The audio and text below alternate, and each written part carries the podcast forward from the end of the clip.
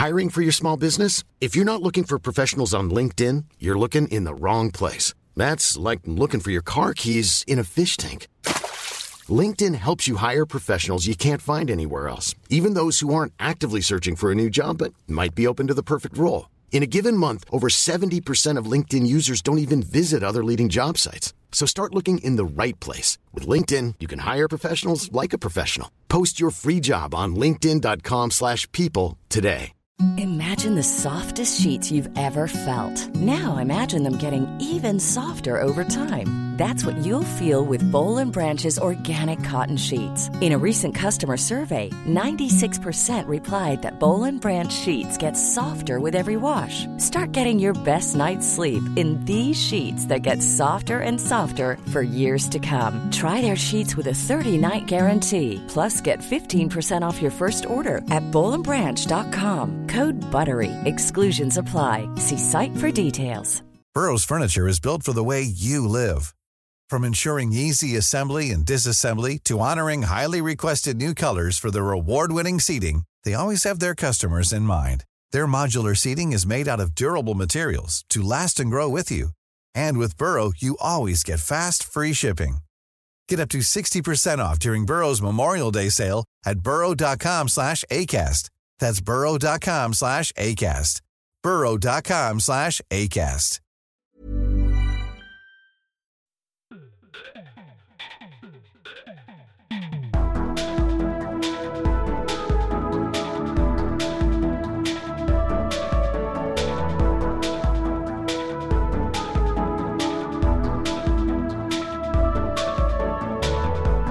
Velkommen til en ny episode av Liberaleren podkast med meg, Klaus Jacobsen her. Og datoen i dag er 4. oktober 2023. Husk det i tilfelle noe endrer seg innen du har lytta på denne episoden. I tillegg så må jeg bare nevne det at vi også har et Vipps-nummer på Vipps nummer 579172. Vipps nummer 579172. Vips noen frivillige kroner der hvis du skulle ønske å bidra med det. I disse crazy times, crazy times. Jeg kom inn her i bua, og det var 14 grader. Jeg har ikke skrudd på noe varme ennå, sånn at eh, Og det hjelper ikke akkurat på at jeg faktisk også har begynt å få litt sånn trøbbel i øre og hals og litt greier og greier. For jeg skal reise til Krakow i kveld, sånn at vi får se. Det her skal nok gå fint, da. Men, eh, men det var kjedelig med 14 grader i bua. Det hadde jeg ikke helt tenkt gjennom, men sånn er det, da. Men nå er jeg oppe i 16,5 grader. Jeg varma opp litt her, da, så skulle tro jeg har fyrt opp et bål i midten der, men det har jeg ikke, da. Men jeg skal også ta og slå på tråden til uh, Lytter-Anders. Lytter-Anders som jo bidrar ofte med innspill og tilbakemeldinger og ting og tang til oss. Og han har vært intervjua en par ganger. Og så tenker jeg vel på sikt også at jeg skal uh, få invitert han inn i uh, studio i Oslo innimellom. Men når det blir det, er jeg ikke sikker på ennå. Nei, og saken er den at um, at uh, selv om jeg drar bort noen dager, så skjer det jo flere ting nå uh, til helga som jeg tenkte vi kunne prate med lytter Anders om, da, sånn at um, det er for så vidt greit å uh, få lagt ut en episode i, i dag, og så får vi nå bare se Quizlist det, det gjenger. Husk også femstjerners rating i Spotify og Apple Podkast. Dette betyr så ufattelig mye mer enn dere forstår, og jeg skulle så svært gjerne sett at flere av dere gjorde det, fordi at det er med på å pushe oss videre, spesielt nå som Acast roter med lyttetallene våre. Så, så, så det har vært fint å bli spredd mer på word by mouth og i det hele tatt, og delt ut til landet. Det har vært utrolig, utrolig eh, gøy, for å si det sånn, da. Så eh, without any further ado, så skal jeg straks slå på tåen tråden til lytter Anders. Yes, kjære vakre lyttere, vi har en uh, flott bidragsyter her i Liberaleren podkast ved navnet Lytter Anders. ja, stemmer det det, det er greit å kalle deg fortsatt lytter, Anders, er det ikke det? Ja, det er funker. Det er et pseudonym som funker. Ja, ja, det passer fint, det. Det er bra, det. Og eh, vi har jo snakka flere ganger om eh, at du skal komme inn i studio. Og en gang hadde vi avtalt du skulle komme med i studio. Plutselig ble du busy ja. businessmann med et eller annet. Ja. Hva skjedde der? Jeg, eh, jeg, jeg jobber jo, og så driver jeg med litt uh, Kall det hobbyinntekter. Så uh, ja. Blant så er ikke tida der, men uh, nå er ikke så veldig mye opptatt, så da har jeg tid til dette her, f.eks. Ja, ja, jeg bare, jeg bare tuller med deg. Men det, var, det hadde vært hyggelig, selvfølgelig, for det viser at du eh, ja. Det er ikke så langt unna kontoret i Oslo at du faktisk er der. Men det skal vi få til igjen senere. Men i hvert fall, det greia jo den at jeg drar nå i kveld på kompistur. Selv om jeg begynner å kjenne at det klør i halsen. Jeg håper at det skal ja. ordne seg. Så tenkte jeg vi må jo få ut en episode, for det skjer jo litt ting de neste dagene her som er viktig å prate om. da. Men Anders, du er jo veldig opptatt av eh, narkotikapolitikk, for, for, la oss bare, eller ruspolitikk. Hva er det riktige begrepet, ville du ha sagt nå i dag, sånn som debatten har blitt? Jeg vil egentlig bruke ordet ruspolitikk. Eh, og Det kommer av at eh, begrepet narkotika det er egentlig et juridisk begrep som er misvisende på mm. mange måter. Altså Opprinnelig så har begrepet narkotika dukka opp, og det ordet finnes i, på engelsk òg, så betyr det ikke det det betyr i Norge. Da mener det spesifikt opiater. Så På engelsk narcotics er ikke cannabis, kokain og psykedelika. Det er morfin, heroin, den regla der. da. Mm. På samme måte som stimulanter, det er kokain og amfetamin og den slags. Også psykedelika er jo LSD, sopp, MDMA kan kalles psykedelika. Ikke alle er enig i det, samme ketamin, men du skjønner sendinga. Ja. Men i Norge så er dette her et juridisk begrep. Eh, og greia er den at Definisjonen er selvfølgelig at du har en liste da, over preparater. Og preparater kan både være medisinsk bruk og til ikke-medisinsk bruk. Mm. Og hvis, øh, hvis øh, hvis det da er til øh, ikke-medisinsk bruk, så skal det ikke være lov. Det er egentlig bare det. Så narkotika er preparater som er på liste, da. Det ikke er, ikke er lov. Det er, det er, ikke noe mer enn det, egentlig. Um, og det er veldig misvisende, fordi da kan man få inntrykk av at det er en sammenheng da, mellom det er noen det andre som ikke nødvendigvis er tilfellet fra et logisk standpunkt. Mm. Men som det er da et rent juridisk standpunkt. Så dette kommer jo da fra FN-avtaler, og før den tid så hadde Mokines-konvensjonen fra rett etter uh, første verdenskrig så satte noen restriksjoner på dette her. Men det, krigen mot narkotika som vi kaller det, er fra 60-tallet. Ja. Så den der totalforbudspolitikken den er jo mye yngre da, kan du si. Richard Nixon, uh, War on Drugs, som starta hele prosessen, egentlig? Nesten riktig. Altså, det var egentlig et Harry Ansinger som starta det. Så starta det jobbevirksomhet, men Nixon han tok og fylte opp ekstra. Så det, slutt på 60-tallet er egentlig viktig å si.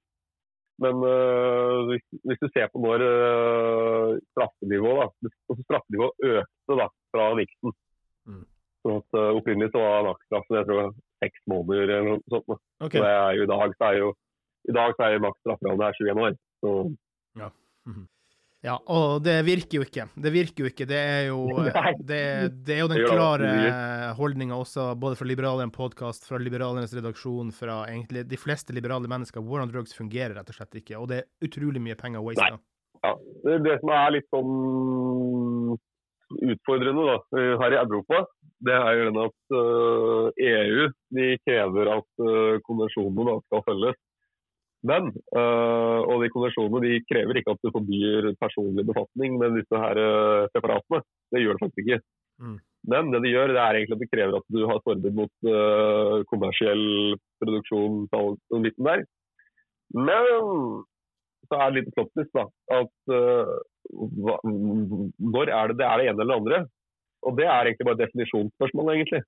Slik at det er måter å unngå disse konvensjonene og samtidig de facto legalisere de stoffene her. Så det er jo en interessant felt på. Mm. Fordi eh, sånn som Tyskland de er jo på vei å legalisere cannabis. Og den opprinnelige planen den ble jo revidert kan du si, pga. Uh, at EU da krevde at de skulle følge konvensjonene. Men, mm. men uh, samme har Malta gjort. Uh, og de har jo valgt å gjøre på følgende måte her at uh, vi kaller det ikke et salg, vi kaller det en donasjon. Okay. Ja. Slik at se for deg at du da starter Se for deg fundraising for Norsk folkehelse eller noe sånt. Da. Så, ja, det er sånn det funker. Ja. Så at da du gir meg en donasjon, så får du en gave tilbake. Ja. Og det er jeg faktisk innafor. En annen metode er sånn som i Nederland. da, så har du I tillegg til coffeeshop-systemet så har du smartshop. og De selger jo da psykedelika. Og Grunnen til at det er innafor, det er for at hvis du kjøper da trøfler der eller ayahuasca eller hva det måtte være på stedet der, så er det teknisk sett ikke et rusmiddel, men det er, eh, det er uh, Pryd 60. Ja, Men du må være nederlandsk statsborger, må du ikke det? Er ikke det greia der? Nei, nei, nei, nei, nei, må ikke det. Okay. Det er bare det at vi, Hvis du drar på en smartshop, da, så selger vi Du må skille mellom coffeeshop-systemet og smartsystemet der. da. Men bunnlinja her er at bruk og besittelse har vært avkriminalisert siden 70-tallet. Mm. Når det gjelder cannabis, som er coffeeshop-systemet, så bare velger de å ikke håndheve lovene sine. Og det er også faktisk innenfor uh, disse avtalene. Mm. Uh, de har bare en egen, de har egen lov på hvordan dette her cannabisforbudet angivelig skal håndheves. og Det betyr at de nesten ikke gjør det i det hele tatt. Mm. Uh, når det gjelder psykedelika, så er det slik at hvis du kjøper psykedelika over disk der, så grunnen til at det i en måte innenfor disse her avtalene er fordi at teknisk sett så er det ikke separat til kjøper, det er bare en vekst. Men alle skjønner hva som er Mm. Mm. Eh, Han godeste Jon, Jon Ove Flovik Olsen eh, har jo skrevet boka 'Politiet og narkotika. Overgrep, sensur og politisk innflytelse'. Den er ikke ferdig å lese ennå. Jeg tenkte skal selvfølgelig få lest den ferdig og få snakke om han. Og får se om det passer å ta dem med også i studio for å prate, som kan mer enn ting om de her. da. Jeg forsto Ja. at du heller ikke har lest boken, men, men du har hørt på podkasten. Han har en podkast. Ja, det heter podcast om rus. Ja. Mm. Og han har jo tidligere brukt, pseudonym fram til den boka der eh, kom. ja. Buffert og rus-podkasten eller noe sånt. Det heter Podkasten heter uh, Podkast om rus, men han kalte seg for Buffert. Ja, ja, ja sånn er, sånn er. Men er det noe nytt på gang i den eh, Det var egentlig det jeg tenkte også vi skulle komme inn på. Er det noe nytt som skjer rundt oss? Jeg vet jo Jan Arild Snoen, som jeg også intervjua med Legaliser nå-boka, følger mye med. Er det noe nytt som skjer rundt i Er det lov å si markedet? Jeg vet ikke, du skjønner hvem er? Ja, det, det er jo noe som skjer. da. Det er jo det at du har bevegelser da, i, altså, Du har endringer da, Tyskland, Sveits, eh, Luxembourg og Malta. Det er jo da i Europa. Malta er Mm. ikke sånn uten. Men det som er greia, er at du Tyskland de prøver å finne ut hvordan de kan unngå disse konvensjonene jeg prata om. Mm. Så at du vil eh, Det kommer til å ta lengre tid enn de stopper seg. Men eh, du vil om fem-seks år få et de facto lovlig marked for cannabis i Tyskland. De, var, jo gjør ikke helt noe å skal gjøre. Mm. Og det er, som jeg sa, da, det er flere måter du kan gjøre dette her på. Som, det er, og, som i praksis vil gjøre det. Men som, fordi at det det går på, egentlig er bare at du ikke direkte bruker fjoret, holdt jeg på å si Mm. som er å fjerne det fra den fra narkotikalista. Eller lage en unntakslov. Det er bare å være kreativ. og Mest sannsynlig så i Malta så har man jo den der eh, Det er ikke solgt den versjonsmodellen allerede. Nei. Eh, og det, det er uh, det er uh, Tsjekkia, glemte jeg å si. og Den er, også, den er jo også på legaliseringstracken nå. Mm. Men det som er greia er at så fort som Tyskland da har et uh, har kommet i mål, så vil nok dette her ha stor på, på øh, Europa. fordi da vil antakelig flere land også få dette her. Og fordi det er, Mm. det er flere europeiske land hvor det går et flertall av befolkningen i over 20 år. Mm. Og lenger enn det har ikke vært for en endring. Men argumentet har vært sånn at dette her bryter konvensjonene. Det var vel Tyskland til i ting, da. Slik at øh, slik at øh, har kommet i mål dette her, så vil flere land følge etter, f.eks. Danmark. Eksempel. Mm.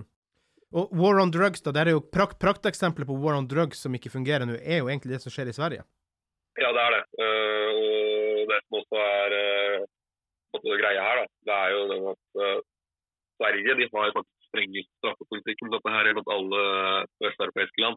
Mm. Slik at hvis du vil ha bevis for at det ikke kommer til å funke, det som politikerne prater om nå, det er bare å se på hvordan det er da i dag. De har jo, hvis ikke det er helt feil, så tror jeg de har den høyeste skyteraten i forhold til befolkningstallet noe, noe sånt. Mm. Mm. Og Alt er gjengopprør i narkomiljøet, det var poenget mitt. Alt handler om narkomiljøene. sant? Ja, ja, ikke sant, ikke sant, ikke sant. Det er jo det det er her.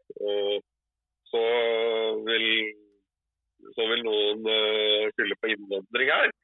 Men uh, hvis vi skal dra den der, der, kan man jo si det at hvis du har uh, personer da, fra si, litt hardere land, uh, så går bare utviklingen raskt ut som ellers, Bare vil jeg skjønne likevel. fordi det som er endgamet med å ha sånne lover, det er vel at folk vil være mindre opptatt av å følge lover og regler. Mm. Slik at, øh, slik at hvis vi da skal hvis vi da skal måtte trekke fram det eneste man oppnår da, med å bremse innvandring, er at den utviklingen går noe saktere enn det som ellers ville skjedd. fordi altså, Jeg snakker for meg selv, nå er jeg snart 28 år. Og altså dagens folk som yngre enn meg og min egen alder, det er ikke helt ærlig så fryktelig opptatt av Nasta-lovverket lenger. Det er bare at vi er ikke helt på Sverige-nivå i Norge ennå. Nei, du mister respekten for det som skjer rundt når du ser hva du sjøl mener er rasjonelt og fornuftig å gjøre, men ulovlig, så mister du respekten til slutt. Ja, altså, eh, hvis du tar og spør personer som er rundt 20 år i dag, da. Dette er, jo folk, folk, folk spøker på seg, folk folk på seg. deg. Folk, dette er sånn Altså jeg kom, for, for i fjor da, jeg, vi kjøpte en sånn en T-skjorte til en kompis, ikke sant? Til bursdagsgave. Mm. Det var kødd, da. Så da og så ta på en fest for så bryr deg så lær til narkotika kokainsteker og sånn. Det er liksom altså, Dette er sånn ler av er, jo- det er komisk for uh, yngre generasjon, egentlig. Mm. Så Mm. at, uh, slik at det Ja. Det, Ja. Altså, men det som er litt uh, mer problematisk her, det er jo det at uh, for uh, samfunnet ellers også, da, den blir mindre Altså, her også. For det er ganske mange unge gutter i landet her som har fått rulleblad pga. dette her.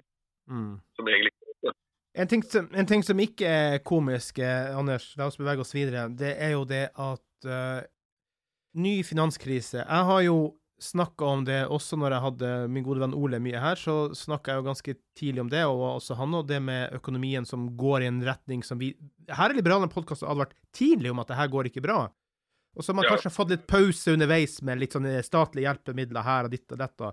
Men du mener også at vi går inn i en ny finanskrise nå, og jeg mener det samme. Og den finanskrisa, hvis vi går inn i den nå, den blir mye, mye tøffere enn den i 2008. Den, den kan ikke den, den måle seg. Ja, ikke for å avbryte deg, men sånn som eh, tilbake rundt 2008, faktisk. Ironisk nok, Johan Norberg han lagde en dokumentarfilm som heter 'Overdose'. Hvem som lagde det, sa du? Johan Norberg. er Johan Nordberg, ja. ja. Mm, mm, Han lagde ikke med aleine, men eh, det er fra 2010, eh, begge to. Mm. Det ene heter 'Overdose', og det andre heter jeg husker ikke helt, den heter han om gjeld. Og Poenget er det at uh, man har ikke reformert uh, Man har ikke hatt en politikk å reformere næringslivet, på en måte, da, eller finanssektoren. på en måte. Isteden så bare har man jo jekka ned rentenivået som en sånn midlertidig løsning. Og det funker jo der og da, mm. men du skyver problemet fremover. Og nå kan vi ikke bare sende sekkene med samme løsning lenger. Og på et tidspunkt.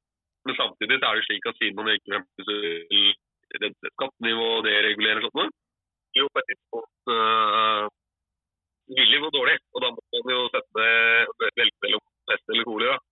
Så vi går uansett mot finanskrisen. Det er jeg rimelig sikker på. Ja, det, det er jeg også veldig sikker på. Og det er jo ikke noe vilje fra, fra f.eks. regjering å redusere offentlige budsjetter generelt sett. Og da sitter sentralbanken igjen med eneste mål, det er økende. Og det kan de bare gjøre til visst for det går til helvete. Ja, altså Poenget er det at eh, jeg bare ser sånn for min egen del nå. Nå er jo jeg opp over 8000 bare på boliglånet, og eh, Men samtidig så, så, så sier jo NHO uh, ute og advarer om at de tror at sentralbanken bommer på økonomien. At uh, økonomien kommer til å bli mye verre enn det de eh, påstår. Og igjen, Ja, da sier de at de kan ikke gå så langt som de vil med rentetoppen. Da, så da står du jo med motstridende ting her, for at det blir jo en mellomløsning. Ja, ikke sant. Men uh, det, blir, det blir jo sånn til sjuende og sist da, det er jo ikke holdt på å si, uh, altså I det etablerte politiske lag Mm. det er det ingen som reelt sett går inn for å gjøre markedsreformer, uh, med skattesystem og sånne ting. Mm. Som kunne ha gitt en boost. Men isteden så, så skylder man på noe annet, og så blir det bare renta som blir virkemiddel. Mm. Og man har jo ganske mye erfaring eh, empiri som tilsier at å løse problemet med rentepolitikken er ikke en veldig god ting over tid. Og altså, finanskrise, fleste finanskriser, restriksjoner er jo et resultat av, eh, av eh, gjeld på en eller annen måte. Mm. Eh, Det er jo noen unntak, du kan jo ha det pga. men det er ikke så ofte det skjer. Men greia er den at det er som regel gjeldsboble som stikker fra sist. Mm. Og ved å bare drive og bruke rentemetodikken gang på gang, så blir det bare at du øh, skyver problemet foran deg. Altså det som Johan Nordberg i sitt brukte som eksempel, da, det er jo at du bare fortsetter i heroin til heroinist. Og til slutt så bare Altså enten så kan man da ta, ta hangoveren der og da, og, eller, eller så kan man bare skyve den fremover. som i verre fremtiden. Det blir litt sånn samme. Milton Friedman sammenlignet med alkoholisme ikke sant, også. Uh, så det er jo det, det er jo ganske Mm. Og, og så hadde man f.eks. i 2008 da, valgt å gjøre reformer isteden for å, for å nå, velge renteveien, så hadde vi nok ikke vært i situasjonen her i dag. Men uh, vi kan ikke gå tilbake til det stort, men vi bør kanskje lære av historien. Mm, mm. Og det er jo det som er greia. Nå kommer jo statsbudsjettet også nå på fredag. Um, er det noen endringer, er det noe hjelp, er det noen ting å spore der? Personlig tror jeg ikke det. Hva, hva tror du? Uh... Jeg, jeg syns ikke denne regjeringa gjør en damn shit riktig, for å si det pent. da. Nei, det gjør ikke jeg heller. Uh, ja, jeg tror det at uh, vi gjør en reach Altså Norge de klarte seg Mm. klarte seg relativt greit da, pga. voldtekter på 70-tallet. Mm. og Så vi trengte ikke å reformere oss på en måte som mange andre land gjorde. Men jeg tror at Norge går gjennom samme feil som det mange andre vestland gjorde på 70-tallet. Mm. Slik at uh, antageligvis så blir det nok hardere før det blir bedre. Og men altså, New Zealand, da, dem dro det ganske langt. Tidlig. Det var et av de landene som reformerte mest når de først gjorde det. Men der uh, gjorde de det ikke før det var absolutt nødvendig. Altså før landet var konkurs. Med hjelp av Milton Friedman? Ja, delvis. Mm. Og, og andre. Og, men egentlig at de gjorde det ikke før det absolutt måtte. Hvis vi tar, uh, tar USA for eksempel, da. Mm. Ok, da de utsatte lenge, de òg, men, men de utsatte ikke like lenge som New Zealand gjorde. Men da New Zealand først gjorde det, så var de blant de som reformerte aller mest. Mm. Og Ja, New Zealand, jeg trodde du sa Chile, jeg trodde du sa Chile, men uh, New Zealand, ja. Nei, New Zealand, New Zealand ja. Ja. Nei, sånn at øh, og det samme når de først reformerte, så gjorde de jo da ganske markante reformer også. Mm. Hva ville de reformene være eh, hos oss, eksempel, tenker du da, og som si en kopi av det de gjorde? Hva, hva ville det vært? Ja, så vi burde først burde vi kuttet alt av støttemidler på ting som ikke direkte er på sosiale sikkerhet. Det er det første steget, egentlig. Vi må kutte ut det. Og New Zealand fjerner all landbruksstøtte om natta. Mm. Og vi bør kutte ut subsidiering av grønn industri og alt sånt ting. Og så burde man heller tatt og innført skattelette, åpne opp for mer frihandel. Egentlig sånn typisk ting som er liberalister i århundrefasen, egentlig. Men det er det de de gjorde. Ja. Mm. Og ja, Australia gjorde det samme. Mm. Og ingen sier at dette her er dårlig land. Altså, folk er klar, altså, Australia er kanskje litt betvilsomt når det gjelder koronahåndtering, ja, men bortsett fra da, det er ingen som sier at det er et dårlig land. Jeg må jo skryte av SMB Norge, da, fordi at eh, det er ikke det at jeg bare gjør en podkast for SMB Norge, men de er litt på på vegne av eh, Altså, SMB Norge er jo en relativt liten sånn næringslivsorganisasjon i forhold til de andre store, NHO og Virke, mens det, noen ganger så spiller jo SMB Norge ordentlig løve med de, med de store. Og nå har de jo et næringslivsopprør eh, på gang, og den tror jeg kommer til å slå an. Så hvis du er interessert i det, kjære lytter, og driver business, gå på dinbedrift.no og les det opp, da. For det de ønsker, det er jo å endre noen ting, da. Blant annet fjerne den arbeidsgiveravgiften på lønninger over 750 000, som denne regjeringa sannsynligvis ikke fjerner nå, som er helt idiotisk, fordi de har lagt unntak for staten. Eh, Så vil de fjerne eierskatten på norsk eierskap, ekstraskatten som de utenlandske slipper, og så selvfølgelig få litt mer forutsigbare rammebetingelser. Altså, denne regjeringa har bytta ting over natta. Også prisnivå på kraft er selvfølgelig de tingene. Så at, at ja. de prøver å rope ut, i hvert fall, og det, det tror jeg kan bli viktig. fordi at regjeringa forstår ikke det som skjer. Nå sier jo NHO altså butikkene går konkursen, for vi handler ingenting lenger. Altså, det, det her blir ille. Men jeg skal øh, nå Jeg vet ikke helt hvem som sier det til Kino, men øh, en, en britisk filmskaper, Martin Durkin, da, kommer med en ganske enkel forklaring på hvorfor dette skjer. Mm. Uh, Den er litt overenkla, men det er noe snev og sånt. Men det er at grunnen til at eksempelvis norske regjeringer gjør som de gjør, det er fordi at det som er på en måte deres kjernevelgere, det er offentlig ansatte. Det er hans teori, da. Og Det høres jo Det høres jo fælt ut hvis det er tilfellet. Ja, ja, men altså, det, det, Jeg sier ikke at det er 100 riktig, men det er et snev av sannhet. fordi at det er, øh, det er øh, Hvis du jobber i offentlig, tror jeg nok det er større tilbøyelighet til å stemme på venstresida enn høyresida. Ja, ja. Og en annen ting, da. Jeg sier ikke at de har noen vonde intensjoner bak det, eller sånt, da. så Mm. ikke, det er ikke at jeg sier, men hvis du har det bakhodet at det er, det er kjernevelgere, Mm. og så har du det Da er det slik at de teoriene de har, da, det passer litt bedre inn. da, på en måte. Mm fordi at du ser ikke den skaden like lett da, som du har for si, småbedrifter og den slags. da. Eller, ja. Så Jeg sier ikke det at det er noen vonde intensjoner bak det, men det er bare det at det er eh, Fokuset er litt annerledes, da. Mm. Hvis du kan si det sånn. Mm. Så Nei, jeg må bare si at jeg forventer ingen uh, forståelse, bistand, hjelp ingen, Ingenting på statsbudsjettet som skal gjøre noe enklere. Jeg skal jo inn uh, på mandagen etter å ha vært på guttetur i Krakow for å se hvor bra det blir da, å spille inn en, en, en uh, podkast om statsbudsjettet. Men jeg tror ikke det blir noe positivt budskap der. Det kan jeg nekte. Jeg, jeg har vanskelig for å tro det, sånn som de har gjort det nå, i hvert fall.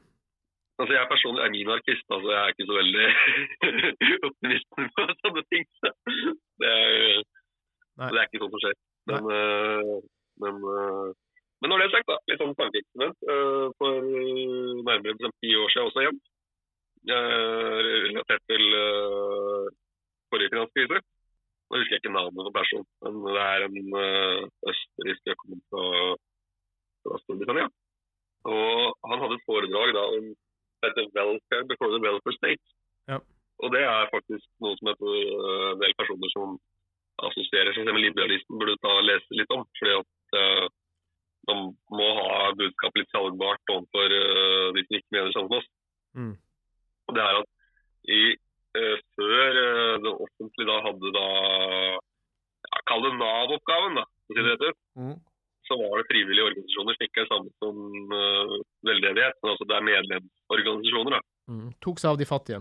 Yes, altså Du hadde private medlemsorganisasjoner. Mm. Så, at da kan, så da kunne du som person velge mellom siden av 1 og 2, eller 3. Mm.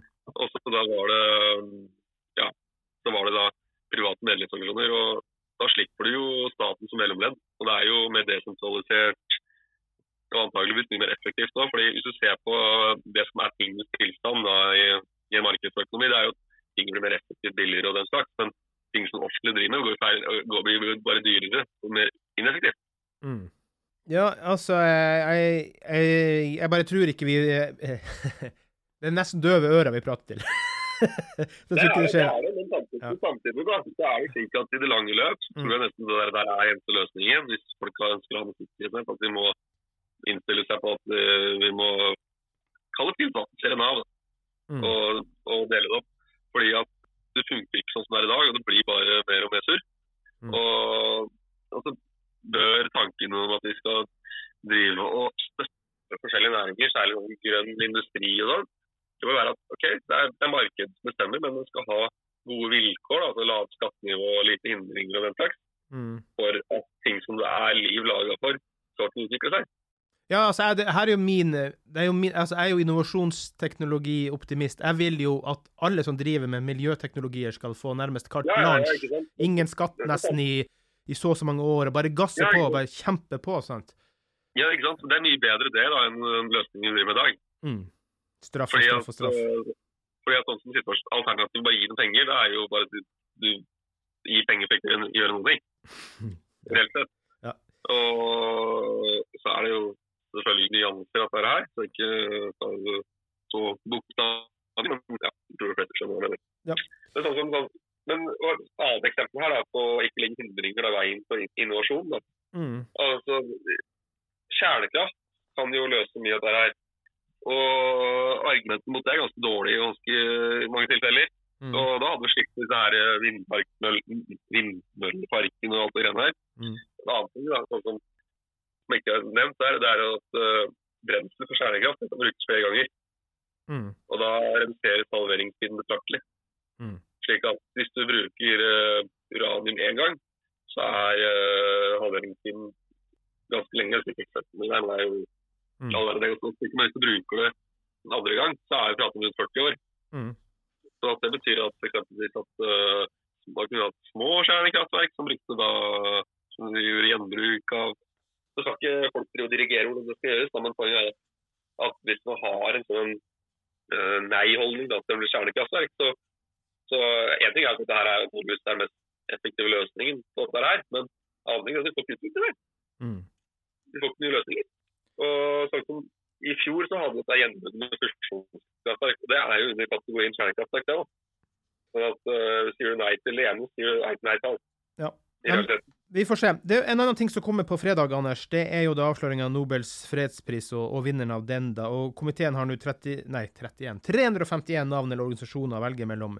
Og nå har de vel fokusert på Ukraina, Ukraina de siste par årene, sånn at mange sier at det burde vært eh, Volodymyr Zelenskyj, men, men jeg, jeg, tror ikke han får den, rett og slett fordi at striden pågår, og fordi at eh, de har gjort det flere år på rad. Men hva, hva, hva, tror du vi blir eh, våkne til fredagsmorgen? Det er deilig. Der har jeg ikke noe særlig. Og det er jo ikke lett å si, egentlig. Og jeg skal ærlig si at Nobels fredspris er kanskje ikke det jeg det er Mest opptatt av? Nei, det er ikke det. egentlig. Er det krigspris du går for? Årets kriger? Årets kriger, ja. Nei, jeg gjør ikke det heller. Jeg følger, med, jeg følger med på utenrikspolitikken når det gjelder krig og sånn. Ja. Men det jeg skal si her, det er jo at uh, det mer gjennomgående her er jo det at man kanskje er naive noe egentlig.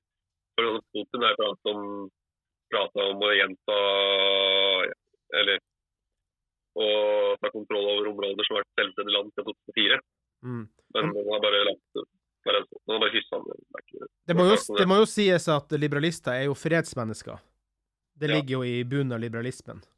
Mm, det gjør det. Og man skal jo ikke nødvendigvis uh, gå på det hardeste virkemidlet med en gang, bare for å se med fruene. Så det er sagt, fordi eh, det er jo mange land her i verden som ikke eh, er allierte av oss, for å rett Vi ikke trenger å gjøre noe med i dag. Nei. Nei, jeg tror ikke vi tør å gjette. Vi får nå bare se.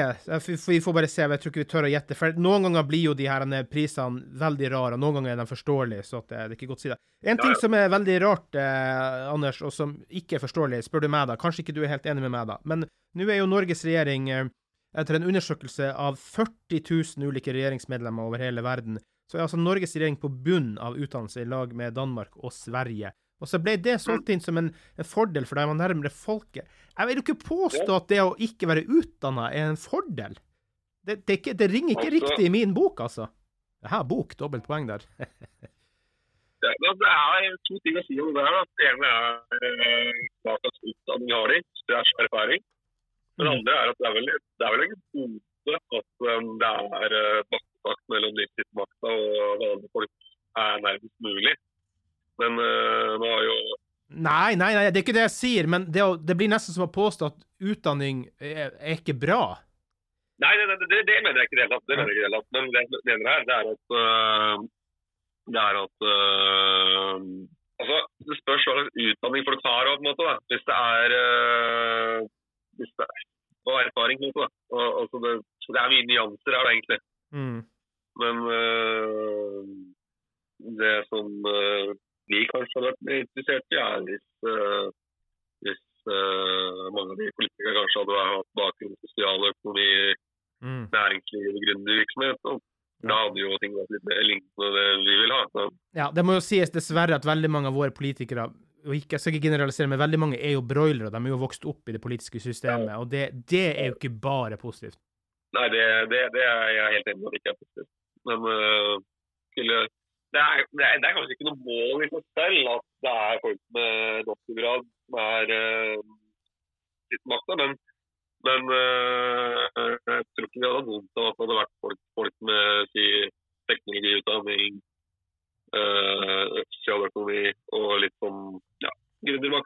Inga Strømke som stortingsrepresentant hun hadde kunnet visst litt om eh, AI, sant, f.eks.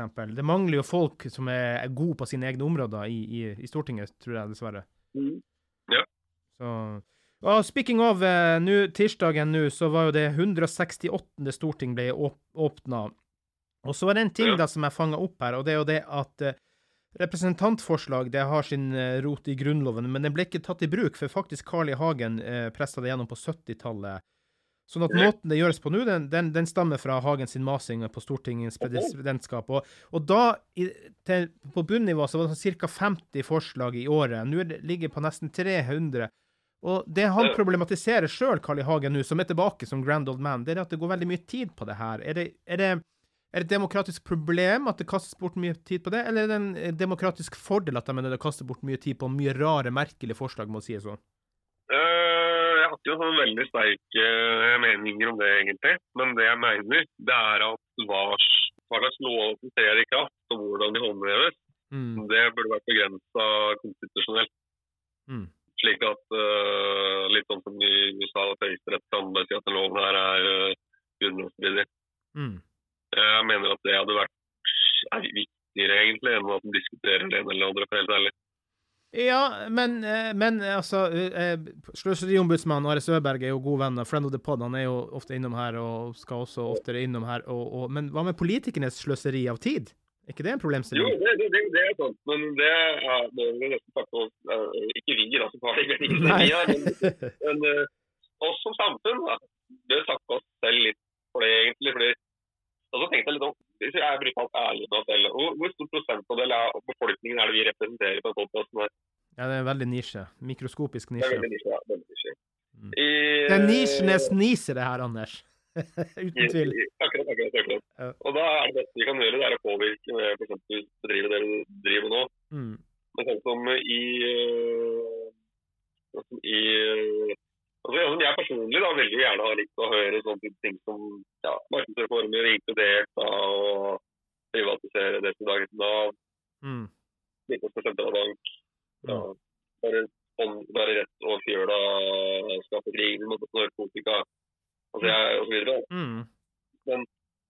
De kommer vi ikke mindre det er holdninger i samfunnet da, som er interessert i deg. Nei. Når det gjelder dette her med krig og narkotika, så har samfunnet endra seg. Så Derfor så diskuteres det i større grad enn tidligere. Ja. Fordi der, der, der har faktisk endringene endret seg ganske mye på 20 år. Mm. Men uh, jeg, som tror jeg er positivt der, er bitcoin. Fordi det får jo fokuset på liberalisme, faktisk. Ja. Så det skal jo være positivt innstilt til. Mm. Mm. Er du, er du Fordi- bitcoin-rik? Nei, det er bitcoin, ja. Ja. Mm. Men ikke bitcoin-rik ennå? Nei, da har uh, spart litt midler, da. Så Mm. jeg har en beholdning. Mm. Så gøy, da. Så gøy da. Det har ikke jeg! Fattig lus som meg fra Finnmark i Sandefjord.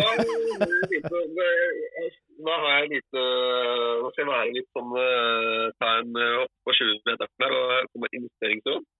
Jeg anbefaler å putte litt penger i bitcoin, fordi at det kommer til å skyte i verdi neste år. Bitcoin. Fordi det ja, fordi det, det, det følger jo da en syklus. Mm. Uh, og halvering, det, det halverer ca. fjerde år når det gjelder hvor mye bitcoin som blir mina per blokk, som blir øh, godkjent gjennom proof of work. Mm. Og neste halvering det er på våren neste år. Mm. Og hvis du ser på, hvis du går på Google og søker bitcoin, og så Mm. trykker du på max, ser du det at det går, det går jo opp og ned i daler, men langtidsperspektivet er jo stiger i verdi. Mm. Så at, øh. Ja, ja, ja, men det også krever jo egentlig Hvis jeg skulle kjøpt noe bitcoin nå, da, si da for at jeg skulle ha brukt det på noe fornuftig vis, så gjør jo norske myndigheter alt i sin makt for at ikke jeg skal få lov å bruke verdien av det igjen i ettertid. Da, sånn at det må, da må det skje er- samfunnsendringer òg igjen, da. Nei, det er en sannhet modifikasjon faktisk. Fordi okay. at du kan få deg et øh, debitkort på krypto. Okay. Ja, det finnes til og med tredjepartsløsning. Du kan betale regninger med det. og Mm. Ikke nok ikke på kroner enda, men du kan betale eh, faktura som er euro og dollar i dag med krypto. Og så kan du få et debitkort som du kan bruke på butikker, minibank osv. Mm. Og sånn som Noen av dem har dessverre avgifter, men mange av dem har ikke det. Eh, og Det betyr at du f.eks. hvis du har eh, et debitkort på Virex, da, Mm. for eksempel, så kan du bruke da bitcoin tilsvarende 10 000 euro i måneden uten at det koster deg noen gebyrer. Mm. Så da- Interessant. interessant. Jeg skal jo nå i kveld til Krakow med kompisene mine, og det var synd at ikke hadde hatt så mye bitcoin, sånn som han første som kjøpte Hva var han kjøpte to pizza, nei, én pizza for uh... 100 bitcoin, og det er eh, Skal vi se her. Nå skal vi finne ut hvor mye det er. I dag skal vi se. Ja. Verdien på det i 2023. Det er noe sinnssyke summer. Skal vi se. 700 bitcoin ja. I skrivende stund skal vi se. I skrivende stund så er det altså 211 millioner 232 000 kroner. 211 millioner. Mm. Og 232 000 for en pizza. For en pizza. Ja da. Nei, men uh, han ble intervjua en gang, og så sa han ja, men angrer du på det? Nei, for noen måtte jo begynne, sa han. Noen måtte jo sette i gang og bruke. Men uh, altså, sånn gull og det øker kjøpekraft i år tidligere. det òg. Og du kan også få gulldevitort, hvis man som er nysgjerrig på det òg. Mm. Så du kan så det du ikke kan bruke det på noe, det, er- det stemmer ikke. Du, du kan få deg debitkort for det. Og da kan du også, da, hvis du ønsker å være anonym, skal du ha en uh, hard wallet. Du har mesteparten av dine uh, verdi på. Og så kan du bare overføre da til, eh, til en sånn børs som der på et uh, debitkort. Mm. Dette tar jo bare noen sekunder å overføre. Så. Mm. Nei, men det, men, men, men, men det jeg tenker er mer sånn at hvis jeg nå hadde solgt hus og skulle kjøpe meg videre hus, ja, forresten så har jeg en million her som er Og så ville de sagt nei, nei, det kan du ikke bruke, for det kom fra bitcoin, sant. Så det, det var det mer, mer det, store. Ja. det, det, der, der er jeg inne på noe. Men også det er en en nyanse å si at du kan bruke det. For Mm. du kan dra på med det. og hadde du bodd i, hadde bodd i landet euro, i Finland, da, så Mm. kunne du ha brukt eh, tredjepartsløsning. Som hadde gjort at, vi, at en kjøpesum hadde blitt overført til, bitcoin med en gang. Mm. Interesting. Fordi, så- Interesting. Vi får se. det vi- det vi bør pushe på, er at bitcoin-folket, de som driver med Siri og sånt, må komme med tredjepartsløsning til å betale regninger og overføre penger med. Ja. Ja. For da har vi hatt penger. Ja. Nei, jeg skal, jeg, skal, jeg skal ikke pushe noe. Jeg har ikke noe push uansett, så det går helt greit. Det er helt greit for meg. Eh, men eh, tusen takk, eh, Anders. Så vil jeg bare si til folk at gå ut og gi oss en femstjerners rating på Spotify og Apple Podcast. Det betyr utrolig mye. Du kan også skrive en liten omtale i Apple Podcast. Til og med helt anonymt, hvis du vil. Gå også på podpage.com. Skråstrek liberaleren-podkast. Der kan du lese noen korte blogger jeg skriver. Du kan sende meldinger til oss. Du kan lese inn lydfeller og det hele tatt. Så det, det er mye du kan gjøre der. Vips gjerne noen frivillige kroner. 579172. Vips 579172. Og så håper vi Nå har jeg måttet slite litt med mine sletne, dårlige ører, Anders. Jeg håper ikke lytterne får det like ille, for jeg hører jo dårligere enn alle andre. Men neste gang skal vi prøve å få det inn i studio i Oslo, så at vi kan faktisk se hverandre face to face. Det hadde vært bedre. Ja, det går an, det. Men uh, holdt jeg på å si, det er, skal si, det er aldri for seint å investere i krypto. Nei. jeg skal ta rådene til mitt hjerte, så får vi se hvordan, hvor langt jeg kommer. Tusen, tusen takk, Anders. Nå skal jeg til Krakow. Du, får deg Krakow. Det er veldig fint der.